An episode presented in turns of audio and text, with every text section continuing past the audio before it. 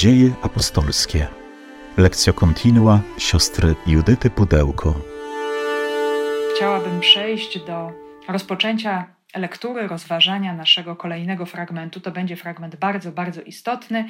E, praktycznie wszystko to, co w ostatnich tygodniach czytaliśmy e, wspólnie, e, zmierzało właśnie do tej finałowej sceny, bardzo, bardzo też ważnej. Dlatego właśnie za chwilę przejdziemy do bezpośredniej lektury ostatniej mowy Piotra, krygmatycznej mowy Piotra, tym razem wobec pogan.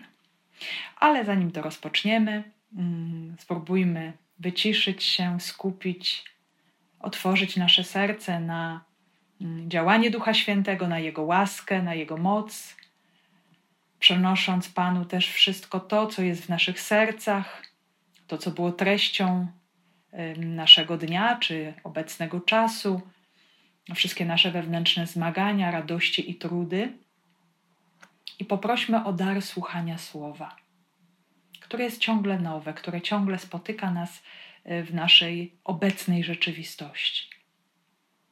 Prośmy o dar Ducha Świętego.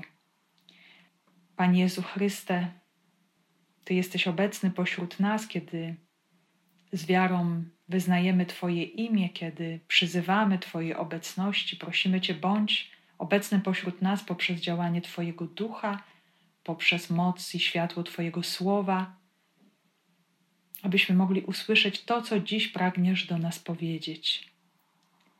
Wypełnij nasze serca mocą Twego ducha.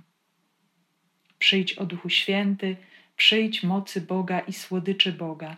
Przyjdź Ty, który jesteś poruszeniem i spokojem zarazem. Odnów nasze męstwo, wypełnij naszą samotność pośród świata. Stwórz w nas zażyłość z Bogiem. Przyjdź, duchu, z przebitego boku Chrystusa na krzyżu, przyjdź z ust zmartwychwstałego. Tak jak już doskonale pamiętamy, nie chcę już przedłużać tych wszystkich wstępów i wprowadzeń, jesteśmy w tej części dziejów apostolskich, w której przechodzimy od Jerozolimy w kierunku Antiochii. Czyli młoda wspólnota chrześcijańska e, wychodzi z tego swojego pierwszego życiodajnego centrum, tam gdzie się dokonało odkupienie, męka, śmierć, zmartwychwstanie Jezusa Chrystusa i zesłanie Ducha Świętego e, i jest w przedziwny sposób przez Ducha Świętego prowadzona do przekazywania wiary, głoszenia dobrej nowiny, słowa zbawienia, przekazywania mm, tej łaski, e, co się wiąże też oczywiście z otrzymaniem Ducha Świętego, e, kolejnym ludziom mieszkającym już poza, poza Jerozolimą. I to się oczywiście wiąże też z różnymi wydarzeniami, ewangelizacją i Samarii, i zdobyciem Szawła. No i w końcu przechodzimy do tego tematu już nam bliskiego, a mianowicie jak święty Łukasz opisuje bardzo, bardzo wnikliwie i dokładnie, jak do kościoła wszedł pierwszy Rzymianin, setnik Korneliusz, jak to nastąpiło. I jest to tekst bardzo długi, e, już się zaczyna w dziewiątym rozdziale i trwa aż praktycznie do jedenastego rozdziału dziejów apostolskich. No i to wszystko jest rzeczywistością, jak pamiętamy, dość złożoną, związaną z Piotrem, z jego cudami.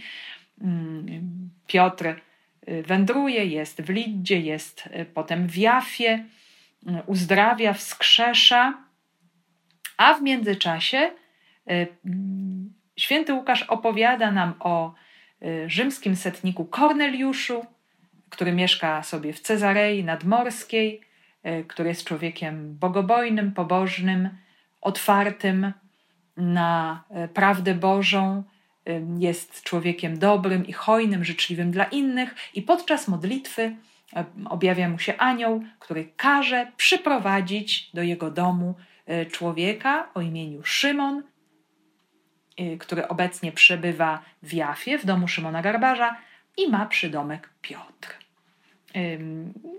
Bez wahania Korneliusz posyła tychże swoich y, przyjaciół, wysłańców, aby tego człowieka, Szymona Piotra, znaleźli i przyprowadzili do niego. Wszyscy są niezmiernie zaciekawieni, co takiego się wydarzy. Dlaczego ten człowiek jest taki ważny? Dlaczego Pan Bóg nie może zadziałać bezpośrednio nie może objawić y, jakiejś niezwykle ważnej prawdy Korneliuszowi bezpośrednio, chociaż no wysłał do niego przecież anioła, stało się coś niezwykłego. Korneliusz miał wizję. No, to nie jest coś takiego, wydaje mi się, zupełnie błahego, że rzymski setnik, więc człowiek bardzo konkretny, y, związany z armią, z wojskiem, z pewną siłą, z pewnym konkretem, ma wizję. Przychodzi do niego anioł. No i jednak ta wizja nie wyjaśnia, nie załatwia wszystkiego ostatecznie. Musi to uczynić człowiek, którego będzie można znaleźć w Jafie, Szymon zwany Piotrem. No i tak jak pamiętamy, wysłańcy udają się w drogę, a w tym samym czasie Szymon zwany Piotrem y, ma też przedziwną wizję. Y, i ta wizja y, jest dla niego niezrozumiała, ma spożywać zwierzęta, Y, czyste, nieczyste, rytualnie, jest w tym przerażony, nie może się z tym pogodzić, pomimo trzykrotnego powtórzenia się, nie rozumie tego wszystkiego, co się dzieje, a tymczasem przybywają wysłannicy setnika Korneliusza i słyszy głos ducha: idź z tymi ludźmi. Nic Piotr nie rozumie, ale posłuszny duchowi wyrusza w drogę, przebywa około 50 kilometrów z Jafy do Cezarei Nadmorskiej, przychodzi do tego miasta, wchodzi do, tom, do domu Korneliusza. Zaskakująco to spotkanie jest niesamowite, bo od razu nawiązują kontakt, wchodzą w rozmowę. Piotr tłumaczy swoją sytuację y, Żyda, który no nie może mieć kontaktu y, z poganami, z ludźmi nieczystymi rytualnie, ale jednak Bóg go do tego zaprasza. On nie rozumie dlaczego. Z drugiej strony Korneliusz tłumaczy swoją wizję, więc zaczynają poznawać szczegóły całej tej przedziwnej sytuacji, którą Pan Bóg zaaranżował. I teraz Korneliusz wraz z tymi wszystkimi, którzy się zgromadzili, a jest ich wcale nie mało, zamieniają się w słuch i chcą usłyszeć, co ty właściwie masz nam do powiedzenia. Dlaczego Pan nakazał, aby cię sprowadzić. Jaką ważną rzecz ty nam powiesz? I rozpoczyna się, moi drodzy, rozpoczyna się mowa świętego Piotra. Z dziejów apostolskich. Wtedy Piotr przemówił w dłuższym wywodzie. Przekonuje się, że Bóg naprawdę nie ma względu na osoby, ale w każdym narodzie miły jest mu ten, kto się go boi i postępuje sprawiedliwie. Posłał swe słowo synom Izraela, zwiastując im pokój przez Jezusa Chrystusa. On to jest Panem wszystkich. Wiecie, co się działo w całej Judei, począwszy od Galilei po chrzcie, który głosił Jan. Znacie sprawę Jezusa z Nazaretu, którego Bóg namaścił Duchem Świętym i mocą. Dlatego, że Bóg był z nim, przeszedł on dobrze czyniąc i uzdrawiając wszystkich, y, którzy byli pod władzą diabła. A my jesteśmy świadkami wszystkiego, co zdziałał w ziemi żydowskiej i w Jeruzalem. Jego to zabili, zawiesiwszy na drzewie. Bóg podniósł go trzeciego dnia i pozwolił mu ukazać się nie całemu ludowi, ale nam, wybranym uprzednio przez Boga na świadków, którzyśmy z nim jedli i pili po jego zmartwychwstaniu. On nam rozkazał ogłosić ludowi i dać świadectwo, że Bóg ustanowił go sędzią żywych i umarłych. Wszyscy prorocy świadczą o tym, że każdy, kto w, jego, w niego wierzy, przez jego imię otrzymuje odpuszczenie grzechów. Kiedy Piotr jeszcze mówił o tym, Duch Święty stąpił na wszystkich, którzy słuchali nauki. I zdumieli się wierni pochodzenia żydowskiego, którzy przybyli z Piotrem, że dar Ducha Świętego został wylany także na pogan. Słyszeli bowiem, że mówią językami i wielbią Boga. Wtedy odezwał się Piotr: Któż może odmówić chrztu tym, którzy otrzymali Ducha Świętego tak samo jak my? i rozkazał ochrzcić ich w imię Jezusa Chrystusa. Potem uprosili go, aby pozostał u nich jeszcze kilka dni. Więc mamy tutaj do czynienia, moi drodzy, z mową Piotra, i jest to piąta i ostatnia w dziejach apostolskich mowa Piotra. Możemy sobie przypomnieć te wcześniejsze mowy Piotra, w jakich okolicznościach one się pojawiły. Pierwsza oczywiście jest związana z Dniem Pięćdziesiątnicy, to jest drugi rozdział e, dziejów apostolskich, kiedy na to wszystko, co się stało, zbiega się tłum. Widzą właśnie wypełnionych Duchem Świętym, radosnych, głoszących dzieła Boże w różnych językach ludzi i zadają pytanie, co się stało? Czy ci ludzie są po skosztowaniu młodego wina o tak wczesnej porannej porze, co się dzieje. I Piotr wyjaśnia. E, wyjaśnia i tłumaczy, kto jest źródłem tego całego wydarzenia. I oczywiście opowiada o Jezusie Chrystusie. E, kolejna mowa Piotra mm, pojawia się po uzdrowieniu człowieka choromego, to jest trzeci rozdział dziejów apostolskich, e, kiedy wszyscy są zadziwieni, że człowiek choromy chodzi, skacze, wielbi Boga. Dlaczego to się stało? Skąd to, skąd taki cud mógł się zdarzyć? No i Piotr znów wyjaśnia. Dlatego, że Jezus Chrystus. Dlatego, że On żyje. To Jego mocą, nie naszą mocą, ale Jego mocą y, mogliśmy to uczynić. To Jego moc sprawiła, że widzicie właśnie tego człowieka chodzącego. E, potem mamy dwie mowy wobec przywódców religijnych, wobec Sanhedrynu, bo oczywiście po całym tym wydarzeniu y, z Chromem oni muszą się niejako wytłumaczyć, czyje imię, czyją władzą, czyją mocą dokonaliście tego znaku. I następuje właśnie to wyjaśnienie w czwartym rozdziale. Y, I później też po innych licznych cudach i znakach świętego Piotra, kiedy już ta moc uzdrowicielska Piotra y, y, staje się niesamowicie rozległa, szeroka, kiedy nawet już jego cień uzdrawia leżących chorych ludzi, no wtedy znów następuje pojmanie, apostołów i Piotr z wielką odwagą daje świadectwo o Jezusie Chrystusie. E, I co też jest ważne? Ważne jest to, że te cztery dotychczasowe mowy Piotra, one są skierowane do ludzi pochodzenia żydowskiego. Co więcej, one są skierowane do ludzi, którzy przebywają w Jerozolimie, e, którzy, niektórzy z nich być może nawet uczestniczyli wydarzeniach e, Paschy, męki, śmierci i zmartwychwstania Jezusa. Nie wiedzą oczywiście o tym zmartwychwstaniu, nikt im o tym nie powiedział, ale na pewno o Jezusie słyszeli, na pewno słyszeli o tym całym dramacie człowieka, wielkiego proroka, którego niektórzy uważali za Mesjasza, który został w tak haniebny sposób zamordowany, no i co dalej? I, i, i wszystko się skończyło, a tymczasem nie. Dlatego te e, mowy Piotra są też takie, możemy powiedzieć, bardzo mm, oględnie mówiące o Jezusie, czy, czy mówiące o Jezusie raczej tylko w tym ostatnim momencie jego życia, bo y, mamy do czynienia z Żydami, którzy o tym Jezusie słyszeli, być może niektórzy słuchali nawet jego nauk, być może niektórzy nawet doświadczyli jego cudów, jego znaków. My też o tym dokładnie nie wiemy. Natomiast tutaj teraz y, rozpoczyna się mowa wobec ludzi, że może coś słyszeli, a może nic nie słyszeli.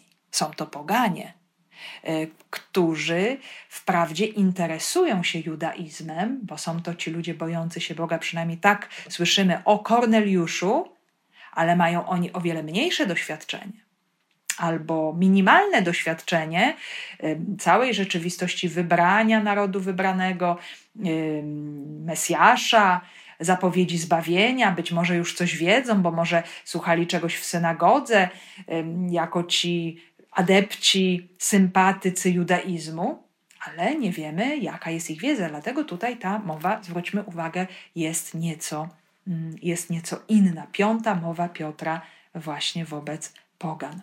Wtedy Piotr przemówił w dłuższym wywodzie. Przekonuje się, że Bóg naprawdę nie ma względu na osoby, ale w każdym narodzie miły jest mu ten, kto się go boi i postępuje sprawiedliwie.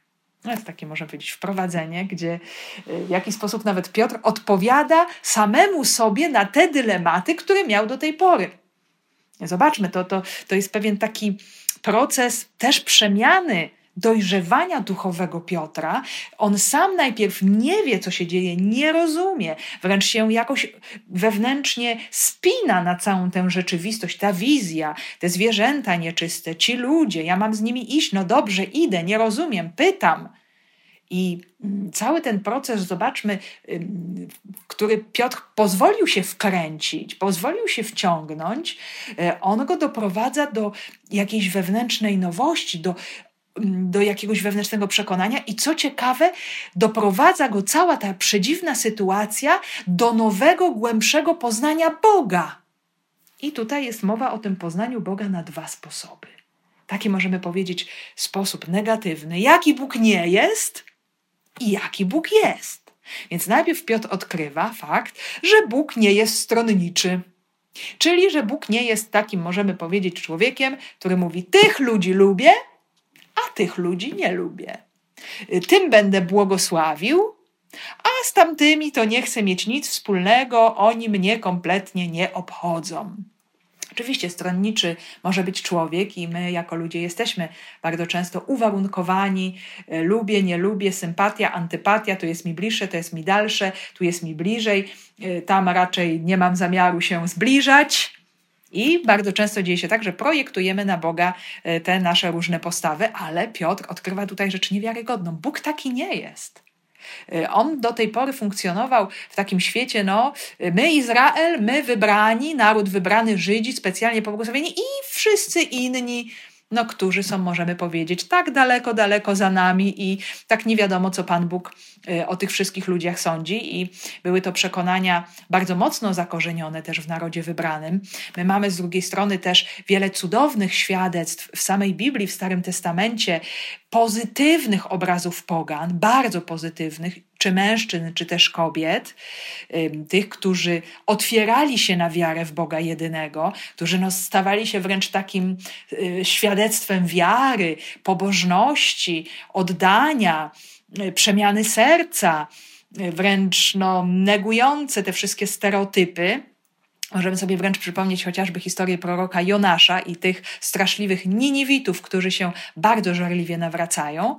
Ale właśnie dlaczego powstawały tego rodzaju opowiadania? Dlatego, że zasadniczo uważano inaczej, że ci poganie są źli, to są bałwochwalcy, yy, którzy wzbudzają Boży gniew, oni są dalece od Boga yy, i jedynie wybrani jesteśmy my, właśnie ten Boży Izrael. I tutaj, e, widząc tę całą sytuację już w praktyce, bo zobaczmy, e, Piotr nie dowiaduje się tego, nie poznaje tej rzeczywistości ani z jakiegoś opowiadania, ani z jakiegoś nawet przekazu tekstów natchnionych, ale poznaje tę rzeczywistość, tę prawdę z doświadczenia z tego, co się dzieje w tym momencie, w tych ostatnich godzinach jego życia. Zobaczmy, jakie to jest też niesamowite, że y, my również na płaszczyźnie naszej wiary możemy mieć pewne, y, pewne schematy, y, pewne utarte jakieś kolejny, jakieś ścieżki odczuwania, rozumowania, przeżywania pewnych rzeczywistości związanych z wiarą.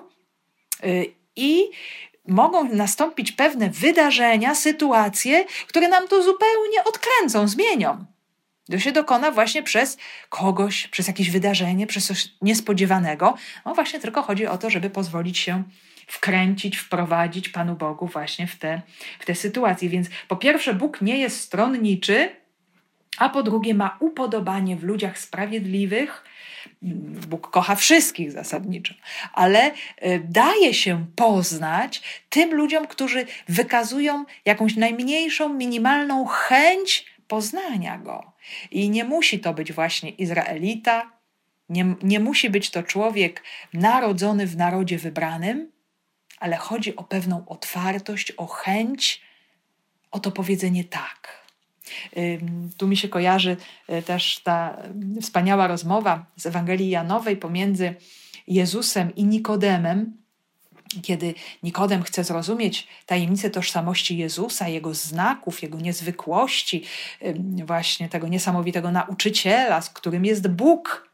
No Jezus zupełnie dystansuje się od tych wszystkich pochwał i zachwytów Nikodema, natomiast mówi o czymś niesamowicie istotnym, o narodzeniu z wody i z Ducha Świętego o przyjęciu tego daru, który czyni każdego człowieka y, rodziną Boga. Nie musisz być Nikodemie faryzeuszem. Nie musisz y, mieć tej przynależności do narodu wybranego. Wystarczy, że otworzysz się na ten dar, który ja przynoszę, ja syn Boży, i zobaczysz Królestwo Boże, i wejdziesz do Królestwa Bożego, i ten dar staje się dostępny dla każdego nie tylko dla tych szczególnie wybranych. Więc ten początek y, mowy Piotra, zanim on jeszcze przejdzie do, do, do takiego nauczania, do przekazu kerygmatu, czyli zbawczej wiary poganom, to jest taka refleksja osobista Piotra, która pokazuje, jaki Bóg jest niesamowity. jak on mnie zaskakuje, jak on mnie zadziwia, jak on robi rzeczy, które no mi się w ogóle w głowie nie mieściły, że on jest właśnie taki.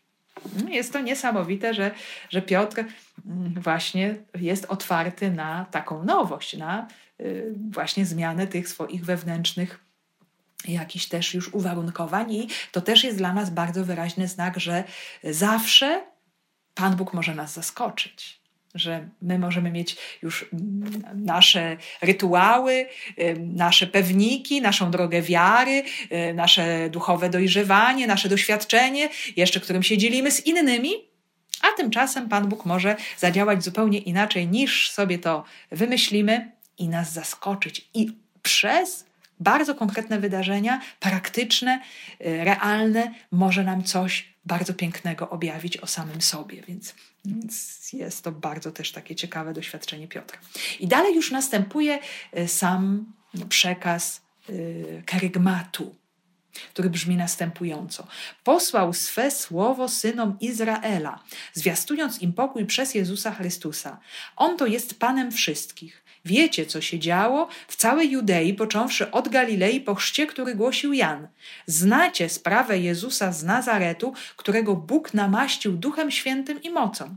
Dlatego, że Bóg był z nim, przeszedł on dobrze czyniąc i uzdrawiając wszystkich, którzy byli pod mocą diabła.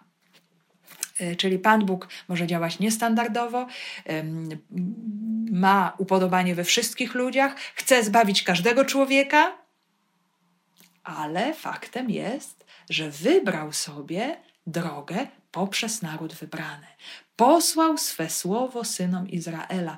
I tutaj y, my możemy to zdanie rozumieć bardzo, bardzo szeroko, bo to posłanie słowo, ono już jest od początku, od tej historii wiary, od Abrahama. My byśmy mogli e, teraz tutaj praktycznie cały dzień i całą noc siedzieć i opowiadać sobie o całej historii pierwszego przymierza, do kogo Bóg posyła słowo, w jaki sposób Bóg mówi do człowieka, jak mówił do synów Izraela. I to była historia bardzo długa. I to była droga, która przygotowywała bardzo stopniowo, no właśnie, mm, to, co się dokonało w zapowiadanym, przepowiadanym, oczekiwanym, a jednak niezrozumianym ostatecznie Y, Jezusie Chrystusie, czyli Jezusie namaszczonym, Jezusie Mesjaszu, y, który został posłany właśnie jako to słowo dane od Ojca, słowo niosące życie, niosące zbawienie. I tutaj jest właśnie mowa o, o tym pokoju przyniesionym przez Jezusa Chrystusa. Jest to też bardzo ciekawe, ponieważ Łukasz obydwa swoje dzieła adresuje do pogan i Ewangelię i dzieje apostolskie. I o tym pokoju już jest mowa na samym początku, jak pamiętamy w drugim rozdziale, kiedy Jezus się rodzi w Betlejem, e, kiedy jest ogłoszenie narodzin y, tego, który jest Panem, który jest Mesjaszem, dziś w mieście Dawida narodził się i właśnie mm, to przynosi pokój pokój ludziom, w którym On ma upodobanie. I jest to ogłoszone właśnie pasterzom, tym ludziom najprostszym, ubogim. Y, tutaj oni są przedmiotem tego Bożego upodobania, chociaż jak wiemy, byli ludźmi bardzo pogardzanymi i ludźmi marginesu społecznego. A tutaj zobaczmy tymi, którzy y, są adresatami tego Bożego pokoju, są poganie, czyli ubodzy, wykluczeni, teraz kolejni wykluczeni, czyli poganie. A czym był ten pokój? Pokój to jest nie tylko brak wojny, pokój to jest nie tylko jakiś, możemy powiedzieć, błogostan, e, ale raczej pokój to jest dar Mesjasza, e, który oznacza wprowadzenie harmonii w życie człowieka. A mm, co jest brakiem tej harmonii? Brakiem harmonii jest grzech. To grzech, możemy powiedzieć, y, zniszczył to pierwotne piękno stworzenia, kiedy stworzenie było piękne, było dobre, y, bez podziałów, bez walki, bez niszczenia się nawzajem, y, bez zła. I grzech niszczy to, co Żydzi nazywali szalom. Właśnie ta harmonia, to piękno, ta pełnia szczęścia zostaje zniszczona. I to nie imperator rzymski, to nie Imperium Rzymskie przynosi ten pokój, yy, który, który tak bardzo intensywnie głosił Pax Romana, ale ten, który leczy to rozdarcie ludzkości. rozdarcie ludzkości, rozdarcie ludzkiego serca, mojego i Twojego przez grzech. Więc już jest zapowiedź tego daru, który Mesjasz przynosi. Właśnie ten, e, który przynosi pokój, on, który jest Panem wszystkich, jest Kiriosem, czyli przewyższa właśnie imperatora, przewyższa wszystkich władców. On jest Bogiem. Naprawdę On jest Bogiem właśnie. To, to określenie Pana y, bardzo dużo nam tutaj właśnie mówi o, o Jezusie jako o Bogu, jako o władcy świata. Czyli, y, czyli słuchacze Piotra Poganie mogą usłyszeć, że tutaj jest właśnie mowa o kimś, kto przewyższa wszystkich władców świata. Kto daje dar, jakiego nie jest w stanie dać nikt inny, żaden władca, e, żaden wojskowy, żaden Cezar, imperator, nikt poza Jezusem Chrystusem. Ale to miało jakiś bardzo też konkretny początek. I tutaj Piotr rozpoczyna od początku, czy przynajmniej o tej publicznej działalności Jezusa.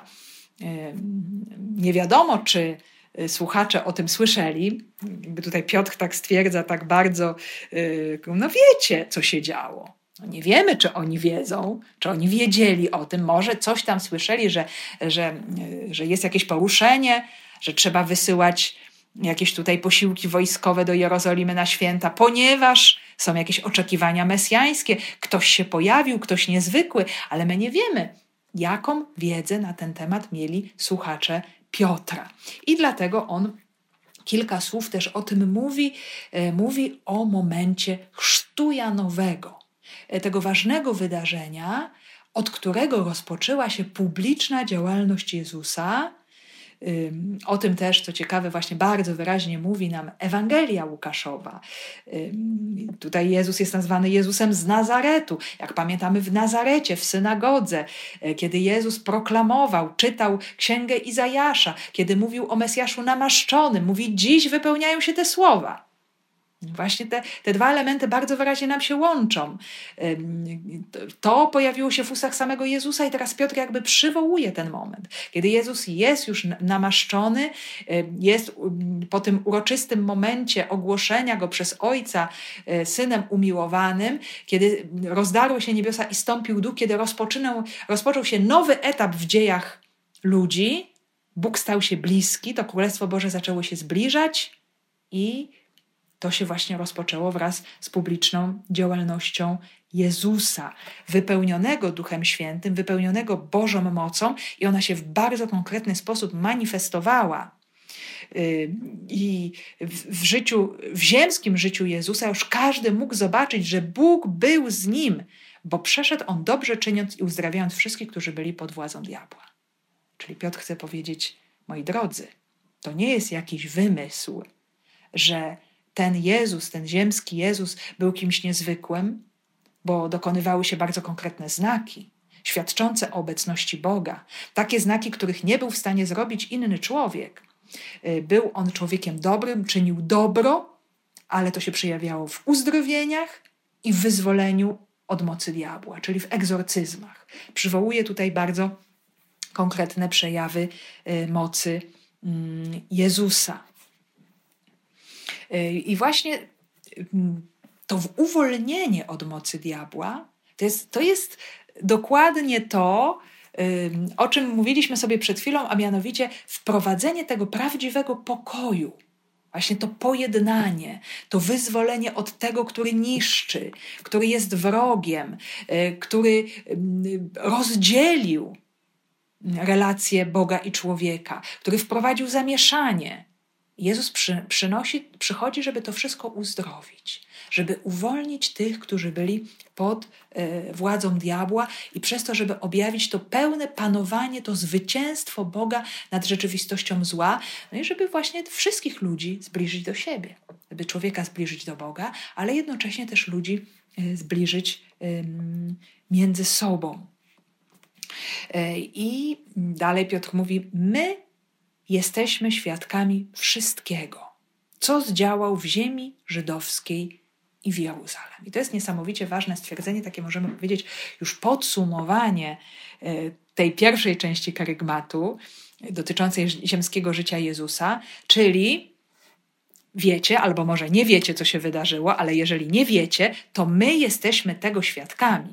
To Piotr oczywiście mówi ze swej strony, ale nie możemy zapominać, że z Piotrem tutaj też przyszli i inni z kościoła w Jafie. E, być może jeszcze był ktoś, kto mógłby dać tutaj świadectwo. E, I to jest też niesamowicie ważne, ponieważ kiedy po w niebowstąpieniu Jezusa dochodzi do uzupełnienia grona dwunastu, to jest pierwszy rozdział dziejów apostolskich, to wtedy Piotr zwraca uwagę na niesamowicie ważne kryterium, że ten, który zajmie miejsce Judasza, to musi być człowiek, który towarzyszył wspólnocie apostołów, wspólnocie dwunastu od momentu chrztu Janowego i ma doświadczenie zmartwychwstania, spotkał zmartwychwstałego. I, I tutaj właśnie widzimy odniesienie do tego rodzaju świadectwa. Czyli świadek publicznej działalności Jezusa, który może zaświadczyć, kim Jezus był podczas swojego ziemskiego życia, co właśnie Piotr tutaj czyni, a później właśnie świadek jego męki, śmierci i zmartwychwstania, co nastąpi y, za chwilę. Y, I po tym świadectwie pierwszym, dotyczącym ziemskiego życia Jezusa, następuje już to centrum karygmatu, który zawsze musi mieć miejsce. Czy Piotr mówił do Żydów, czy teraz mówi do Pogan, to jest to sedno, absolutne sedno, y, z której wydobywa się to nowe życie dla każdego człowieka, i dla Żyda, i dla poganina. Jego to zabili, zawiesiwszy na drzewie. Bóg podniósł go trzeciego dnia i pozwolił mu ukazać się nie całemu ludowi, ale nam, wybranym uprzednio przez Boga na świadków, którzyśmy z nim jedli i pili po jego zmartwychwstaniu. Yy, więc ten Jezus działał dobrze, przyszedł ocalić człowieka. Jak to się skończyło? No skończyło się po ludzku bardzo źle. Jego to zabili, zawiesiwszy na drzewie. E, jest to oczywiście odniesienie do okrutnej śmierci krzyżowej. Rzymianie doskonale wiedzieli o co chodziło, e, że chodzi tutaj o no, straszliwą tragedię, okropną torturę i potworne poniżenie też człowieka. Mm, przecież Rzymianie krzyżowali bardzo często rebeliantów, więc wiedzieli o co chodzi, więc to musiało być dla nich nieprawdopodobnie szokujące, że właśnie taki człowiek mm, został potraktowany właśnie w, jako najpodlejszy złoczyńca, został zawieszony na drzewie. No oczywiście z punktu widzenia e, żydowskiego jeszcze taki człowiek na dodatek jest przeklęty, zawieszony na drzewie. Z punktu widzenia Rzymianina no jest to człowiek godzien jakiejś o, pogardy, pogardzony, poniżony y, w najbardziej możliwy sposób, ale na tym cała ta sytuacja się nie skończyła. Stało się coś absolutnie niezwykłego, bo dokonało się zmartwychwstanie. I Piotr mówi tutaj y, następująco o tym zmartwychwstaniu: Bóg podniósł go trzeciego dnia. Trzeciego dnia, więc zanim doszło już do rozkładu ciała. Starożytni wierzyli, że to się dokonuje właśnie od dnia czwartego. E, już jest całkowita niemożliwość powrotu do życia, ponieważ e, ciało człowieka się rozkłada. Pamiętamy, to było w przypadku też łazarza. Już cuchnął. Tutaj to ciało Jezusa nie podległo żadnemu rozkładowi. Ta śmierć nie wyrządziła temu ciału nic poza tym, że zostało mu odebrane życie został podniesiony przez Boga. Bóg tego dokonał. Y, powrócił do życia i został widziany. Y, pozwolił ukazać się. Bóg pozwolił Jezusowi ukazać się, no właśnie, ale nie całemu ludowi, ale nam wybranym uprzednio przez Boga na światku. Nie każdy człowiek mógł zobaczyć Jezusa po jego zmartwychwstaniu. To nas może też zadziwiać, ale bardzo mocno już Ewangelie pokazują nam, że te objawiania się Jezusa po jego zmartwychwstaniu, one nie były taką rzeczywistością zwyczajną. Tak jakbyśmy oglądali jakiegoś człowieka w jego, w jego ludzkim, ziemskim ciele, że to było jednak coś zupełnie innego, że ci wszyscy ludzie, którzy nie wierzyli możliwość zmartwychwstania Jezusa? Czy nie przypuszczali, że On mógłby zmartwychwstać? Czy nie pamiętali Jego zapowiedzi? Czy nie brali pod uwagę słów Pisma, które zapowiadały Jego zmartwychwstanie? Nie mogli Go rozpoznać. Już począwszy od Marii Magdaleny, pamiętamy, ci, którzy przychodzili do grobu, widzieli pusty grób. Piotr się zastanawiał nad tym wszystkim ale wrócił potem do siebie, nie wiedział, co ma z tym zrobić. E, byli ci uczniowie idący na wieś do Emaus, nie rozpoznali Jezusa.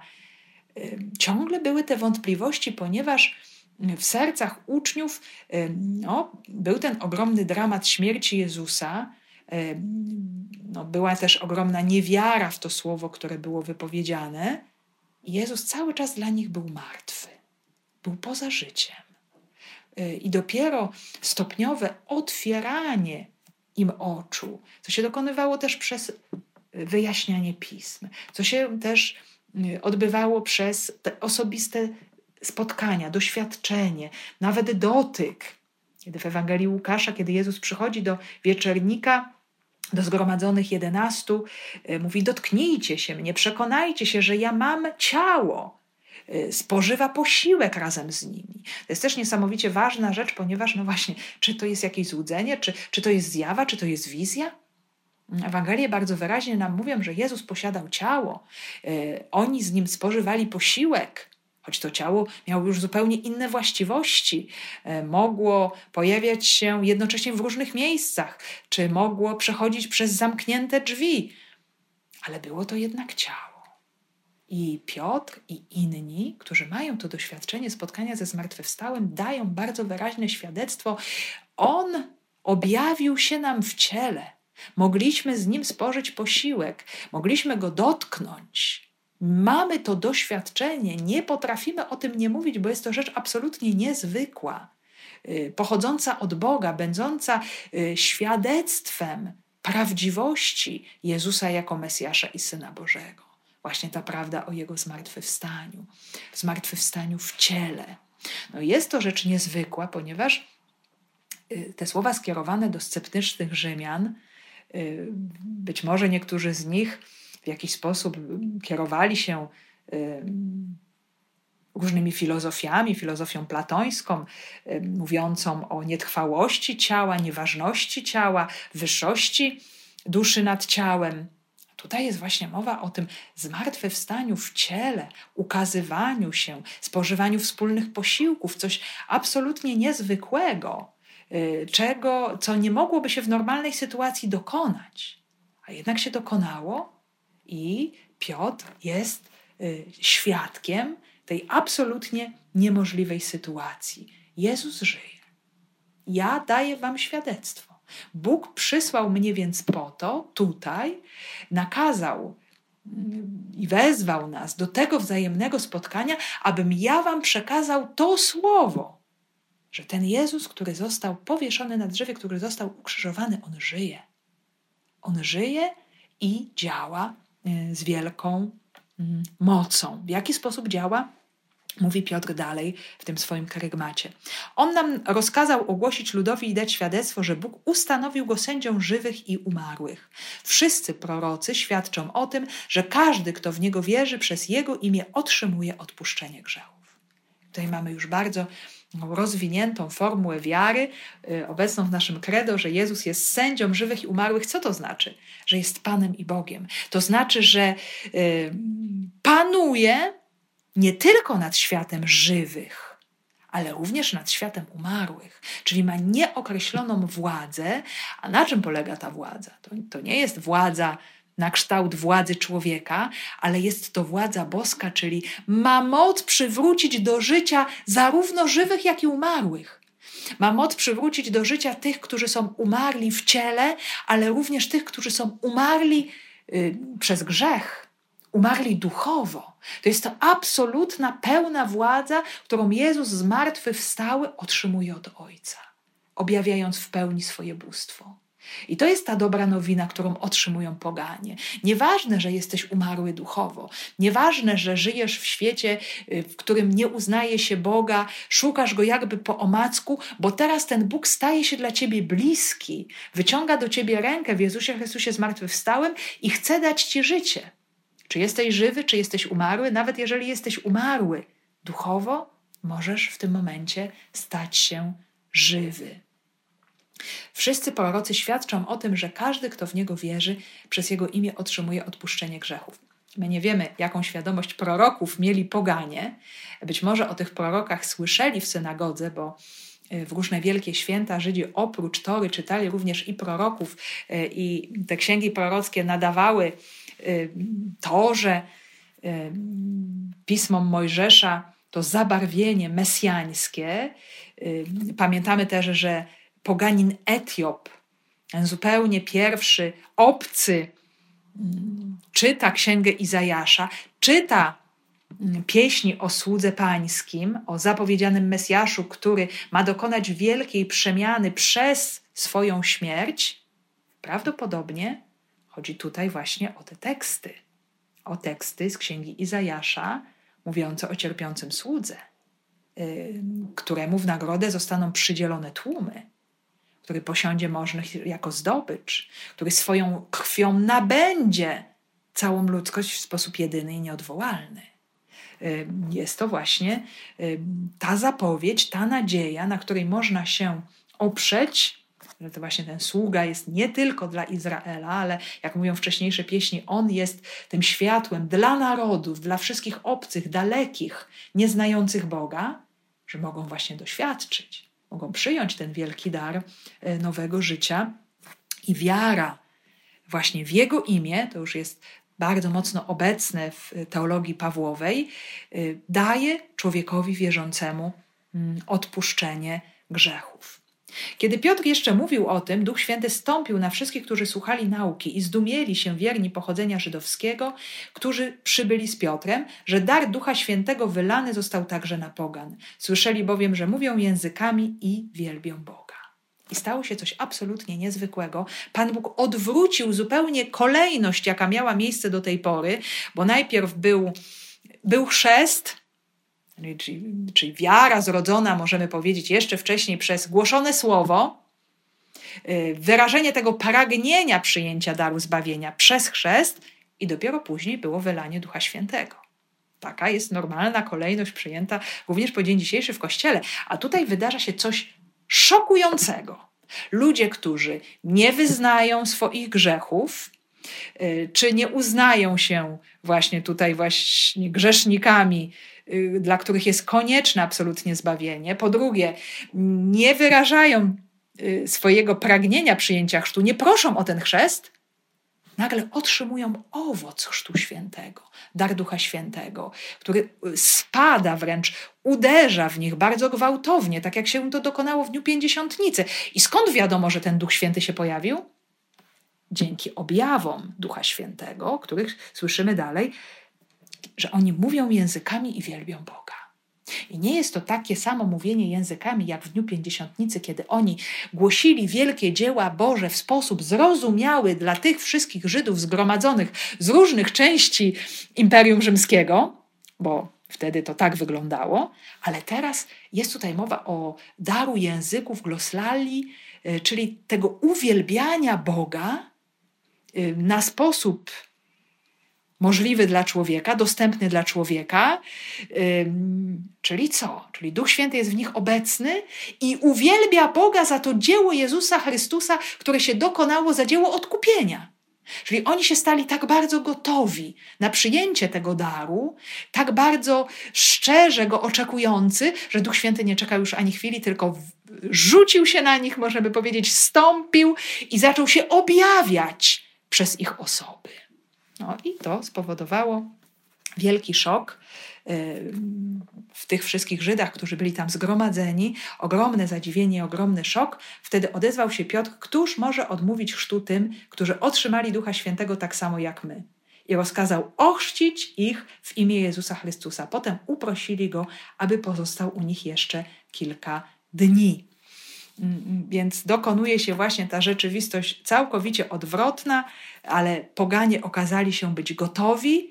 E, przez ten niezwykły akt e, Pan Bóg pokazuje, przekonuje Piotra, że poganie są gotowi do przyjęcia odkupienia, daru zbawienia, do przyjęcia Ewangelii, e, daru Ducha Świętego. Jest to, możemy powiedzieć, taka właśnie manifestacja, eksplozja zupełnie niespodziewana. To nam też pokazuje, że, że Duch Święty y, bardzo często działa o wiele szerzej i dalej, aniżeli działa, możemy powiedzieć, w taki oficjalny sposób też Kościół. I Pan Bóg może y, każdego człowieka w jaki sposób chce doprowadzić do wiary Y, objawić swoje działanie w człowieku, a oczywiście dalsza procedura jest jak najbardziej klasyczna, ponieważ Piotr y, chrzci, udziela tego chrztu, zanurzenia w tajemnicy Jezusa Chrystusa, gdzie oni w pełni stają się członkami Kościoła. Piotr przebywa jeszcze z nimi kilka dni po to, żeby uzupełnić y, katechezy, wyjaśnienia głębszego karygmatu o Jezusie Chrystusie i w taki sposób, moi drodzy, powstaje domowy kościół w Cezarei Nadmorskiej, pierwszy kościół pogan.